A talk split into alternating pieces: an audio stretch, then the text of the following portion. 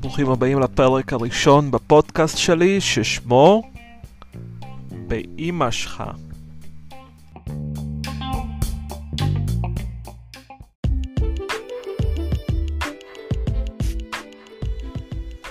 הפרק הזה הוא בעצם מעין אדפטציה של הפוסט האחרון שלי שפרסמתי בבלוג שלי, בעל השם הזהה, והשם של הפוסט הוא דוברוטים ילידיוטים נגד האקדמיה.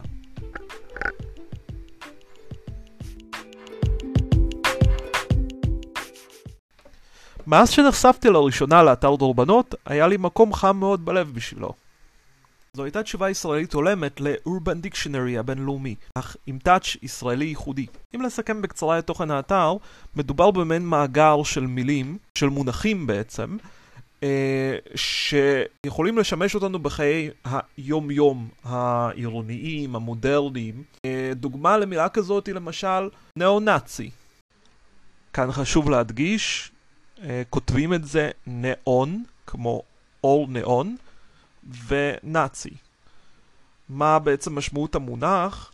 כפי שמתואר באתר אה, דורבנות, מדובר במכשיר חשמלי נפוץ נגד יתושים ושאר מעופפי לילה. המכשיר מפיץ אור סגול, ותוך כדי כך הוא משכנע את החלק שהתשובה לכל בעיותיו בחיים נמצאת אצלו. כאשר החלק קונה את ההונאה, המכשיר מחסל אותו במכת חשמל, תוך כדי השמעת צליל פיצוץ חלש, אך מאיים ומרגיע. כמו מילון אמיתי מוצגות גם דוגמאות לאיך להשתמש במילים האלה תוך כדי שיחה.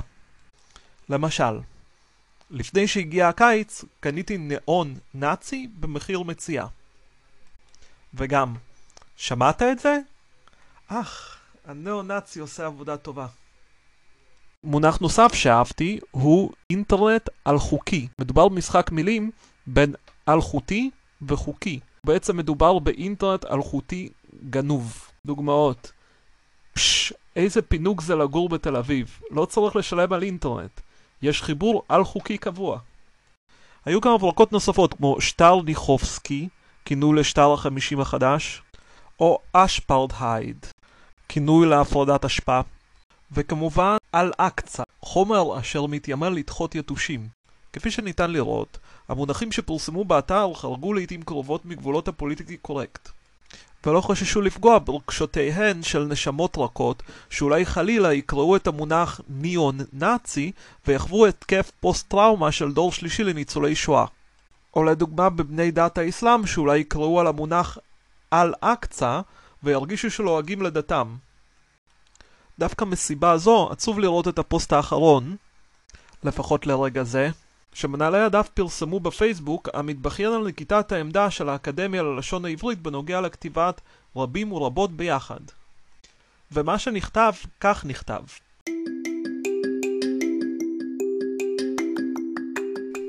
אז כן אקדמיה, היית קצת קולית לאחרונה עם כל מיני פוסטים מגניבים ופרוגרסיביים. אבל בסופו של דבר מטרתך סותרת את עצמה. את לא יכולה גם לכוון את השפה, וגם לעשות זאת לפי התפתחותה הטבעית. אז בחייך, כששפה מתפתחת לנגד עינייך, אין לך מנדט להגיד לעשרות אלפי דוברוטים ילידיוטים. רגע, אני אעצור כאן. אני חייב להתייחס לזה רגע. Uh, ילידיוטים uh, זאת הטעות במקור, זו לא איזושהי הקראה uh, בעצם שגויה שלי, הם באמת כתבו ילידיוטים, כלומר י' וו' אחד אחרי השני במקום אה, בעצם ו' בלבד, אה, וזה די משעשע אני חייב להגיד. אני משער לעצמי שהמקור אה, היה אמור להיות, אה, ללא השגיאה, זה היה אמור להיות ילידותים, כלומר ילידים וילידות. אבל בסופו של דבר נראה שהשגיאת הקלדה הזאת שלהם, או, או של כותב ה... כותב הפוסט הזה בעמוד של דורבנות, בעצם מידע על מהות הוויכוח.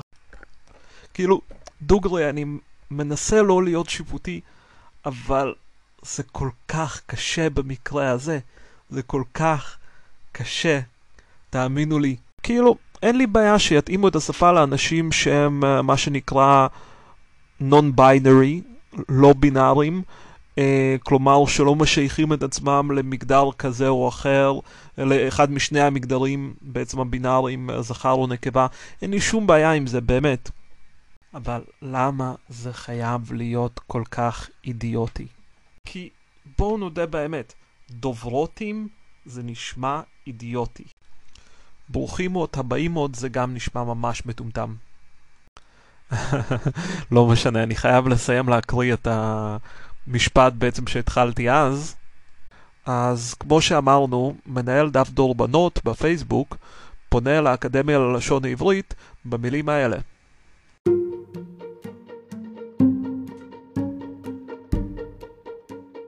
אין לך מנדט להגיד לעשרות אלפי דוברותים ילידיוטים, אתם מדברים לא נכון. איתך, או בלעדייך, השינוי כבר התחיל. העברית לא תחזור באורח פלא ל-2011. את מוזמנת לאמץ את השינויים או שלא. כך או כך, לא אכפת לנו מנדט וערוץ 20, אתם בדיחה, אני אפילו לא אתייחס למטרות הבזויות שלכם לצייר חצי מאזרחי מדינת ישראל כחסרי לגיטימיות. fuck you, fuck you.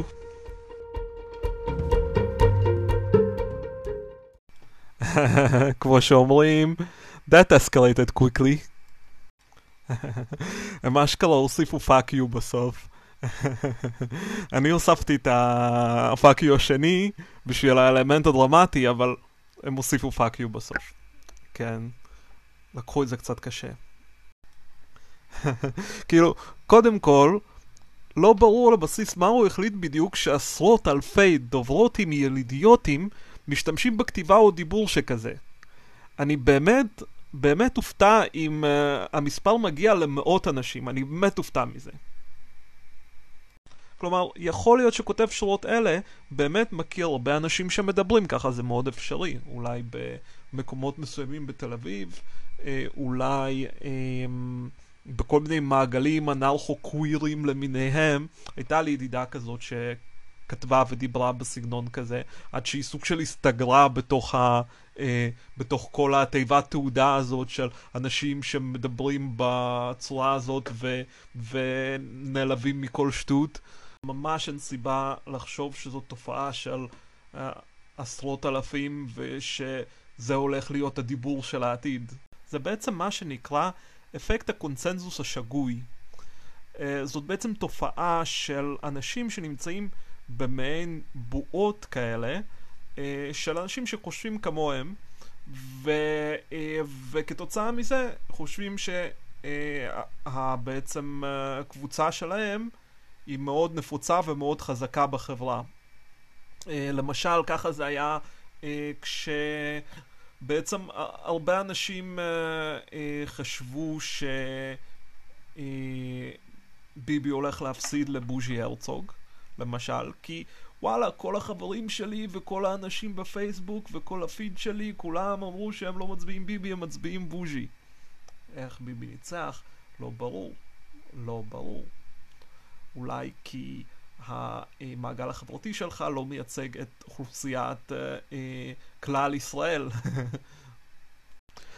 אבל חוץ מזה, גם אילו היה מדובר בעשרות אלפים כפי שנטען, הרי שזה מספר אפסי ביחס למיליונים שדוברים את השפה. יש כתשעה מיליון אנשים שמדברים עברית. תנו לזה לשקוע רגע. יחד עם זאת, ראוי לציין שהפוסט של דורבנות פורסם ביחד עם פוסט אחר של בחור בשם אוהד אשכנזי, שהעביר דווקא ביקורת ראויה על ערוץ 20. וכן, חייבים להודות ש... שם בערוץ 20 הם לא בדיוק תורמים אה, למאבק בסטריאוטיפ של הימני המטומטם והעילג. זה באמת נכון. וגם הפאניקה אה, השמרנית פה אה, די חוגגת. למשל, הכותרת של המאמר הזה בערוץ 20 היא האקדמיה ללשון על מגפת הכתיבה ברבימות. לא עברית תקינה. אוי אוי אוי, מגפת הכתיבה, מגפת הכתיבה, אוי אוי אוי. ברצינות, מי אפילו כותב ככה? הם כאילו מצטטים איזה, אה, לא יודע, קופות חולים ששלחו אס.אם.אסים בצורה הזאת, מרב מיכאלי, באמת, מרב מיכאלי, כאילו, באמת. מגפה, סוף העולם, למה לא? תמיד אפשר לסמוך על שמרנים שייכנסו לפאניקה מוסרית מהדבר הכי פעוט בעולם. הילדים שומעים מטאל? זאת סקידה לשטן. הילדים מעשנים גראס? הם בטח עוד מעט יזריקו הרואין. וזה לא רק בישראל, זה בכל העולם במידה כזאת או אחרת.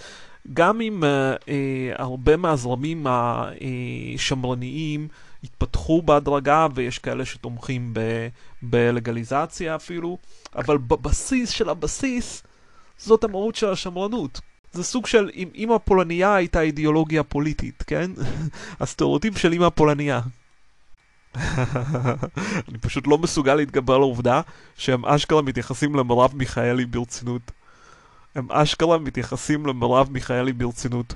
אפילו במפלגת העבודה, שהיא היושב ראש שלה עכשיו, איכשהו בסוג של נס, לא מתייחסים אליה ברצינות. זה סוג של כזה, נו טוב, היו לנו גם גרועים יותר. אשכרה יש חברת כנסת אחת, ש... מדברת בצורה המוזרה והמביכה הזאת, והיא בעצמה די מוזרה ומביכה, אה, והם מתנהגים כאילו זה סוף העולם, לפחות על פי המאמר הזה, כן? בכל מקרה, אז כך כותב אוהד אשכנזי על המאמר הזה של ערוץ 20.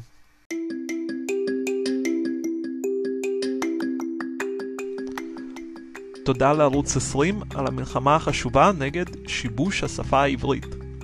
רק שלא אכפת לכם מהשפה העברית, אכפת לכם מהאנשים שמתייחסים בכתיבה שלהם גם ללא זכרים. איך אני יודע שהמלחמה היא לא על שיבוש השפה העברית? ובכן, במאמר כתבו לא עברית תקינה. עברית תקינה זה מושג שבהחלט משתמשים בו, אבל בהקשר הזה נראה שהכוונה היא לעברית תקנית. כלומר על פי התקן. אני לא קבעתי, אלא האקדמיה, חפשו בגוגל. במאמר כתבו למרות ש... לא עברית תקנית. מציע להחליף באף על פי ש... או משהו בסגנון. במאמר כתבו מנסים להכניס את זה בכל מיני מקומות. תחביר? אם כבר, להכניס את זה ל, או לדחוף את זה ב. אי אפשר לכתוב להכניס את זה ב. יחד עם זאת, אני לא יודע למה אני מתאמץ להציל את הניסוח הזה, הוא אבוד מלכתחילה. במאמר כתבו, כשמפרידים ביניהן, יש שם מילה חסרה, מציע את בעזרת. במאמר כתבו אינה תקנית, לא אינם תקינים, הרי הפעולה במשפט היא הכתיבה, לא הפרדה. במאמר כתבו לכפות על המציאות דרך השפה. לא מובן, לכפות על המציאות מה דרך הכתיבה, נא להבהיר. אז אחרי שהבנו שאי אפשר לגבור על שיבוש השפה העברית בעזרת עברית משובשת, אולי חשבו בסגנון של Fight Fire with Fire. מתגלה לנו עוד פרט. התמונה שהם בחרו היא בכלל לא קשורה למה שכתבו עליו. מוצג בתמונה פונט רב מגדרי, והכתבה בכלל מדברת על כתיבה בעזרת לוחסנים ונקודות. אז יחד, אנחנו מבינים שמדובר בניסיון ליצור דה-לגיטימיזציה וסמנטיקה שלילית סביב כתיבה שמתייחסת לאופי המיזוגני של השפה המוגדרת שלנו, ולא קריאת תיגר על עברית משובשת. ובו זמנית ללבות את שנאת השמאלנים, כי הרי הם אחראים על השערורייה הזאת. אבל בואו נשים את הטרחנות בצד לרגע. לא ראיתם מעולם מודעת דרושים דרושות, עדכונים בתי עסק, מכתבים גנריים שנשלחים אליכם מהבנק, דואר, קופת חולים, אין פה אג'נדה שמאלנית, יש פה שיטת כתיבה נפוצה שמשתמשים בה כאשר מגדר הנמען אינו ידוע. ובלי קשר, אין לכם דברים יותר חשובים לעשות מלהיעלב מאותיות? זה לא שהכריחו אתכם גם לכתוב ככה, אתם לא חייבים.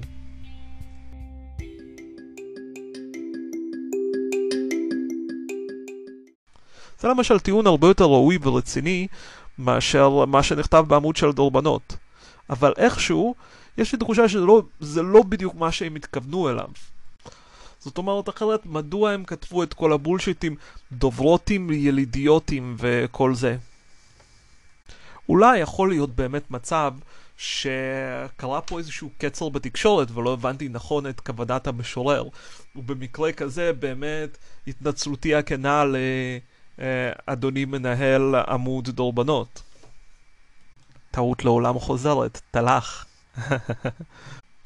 הלוחסנים שהוזכרו במאמר המקורי הם באמת די דבר שגרתי וזה ממש לא עניין של לעשות סביבו עניין. גם כל הקטע הזה של הדוברותים זה לא דבר לעשות ממנו עניין בסופו של דבר, אבל כל העניין עם הנקודה באמצע זה באמת ממש מעצבן ומטומטם ועילג. וסליחה, אולי אני שיפוטי, אבל זה ממש נראה מגוחך. זה כמו האנשים האלה שלא יודעים לשים אותיות איתן בצורה נכונה בזמן עתיד. כאילו, מלא אנשים עושים טעויות בכתיבה, אה, שגיאות הקלדה, שגיאות כתיב, אבל איכשהו הדבר הספציפי הזה הוא מעצבן ועילג במיוחד. אולי בגלל שאנשים הכי מפגרים בעולם עושים את הטעות הזאת, וסליחה אם מישהו פה עושה והוא בעצם דיסלקט, יש יוצאי דופן, אוקיי? אבל נגיד הרוב המוחלט שפגשתי, שעשו את הטעות הזאת, היו מפגרים ברמות. וסליחה לציבור המפגרים וכל זה. אבל הם היו מפגרים, fucking מפגרים. דפארים שלא מהעולם הזה. אז באותה מידה אנשים שאומרים את כל הקטע הזה של uh, uh, אנחנו מדברים מות וכל זה, תקשיבו, זכותכם, זה לא כזה נורא, אבל זה ממש מעצבן וזה נשמע ממש מטומטם, ואתם עושים מעצמכם אידיוטים, לפחות בעיניי, כאילו, אני רואה את זה כאידיוטי.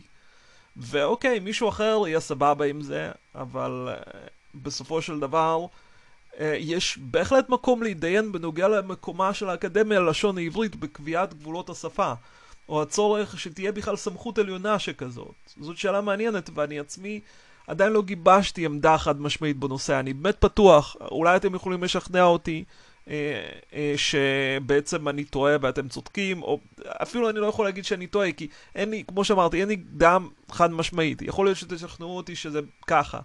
אה, אני כן נוטה לחשוב שצריכים להיות איזה שהם גבולות, אוקיי? אבל באמת זה משהו שצריך לחשוב עליו יותר לעומק. בכל זאת, דבר אחד ברור לי. הפגנת ה-Butthurt שזעקה מהפוסט של דורבנות מביכה בעיקר את הכותב, ודי הורסת את התדמית הקלילה של הפרויקט שלו. אולי עדיף פשוט לחזור לכתוב מילים מצחיקות.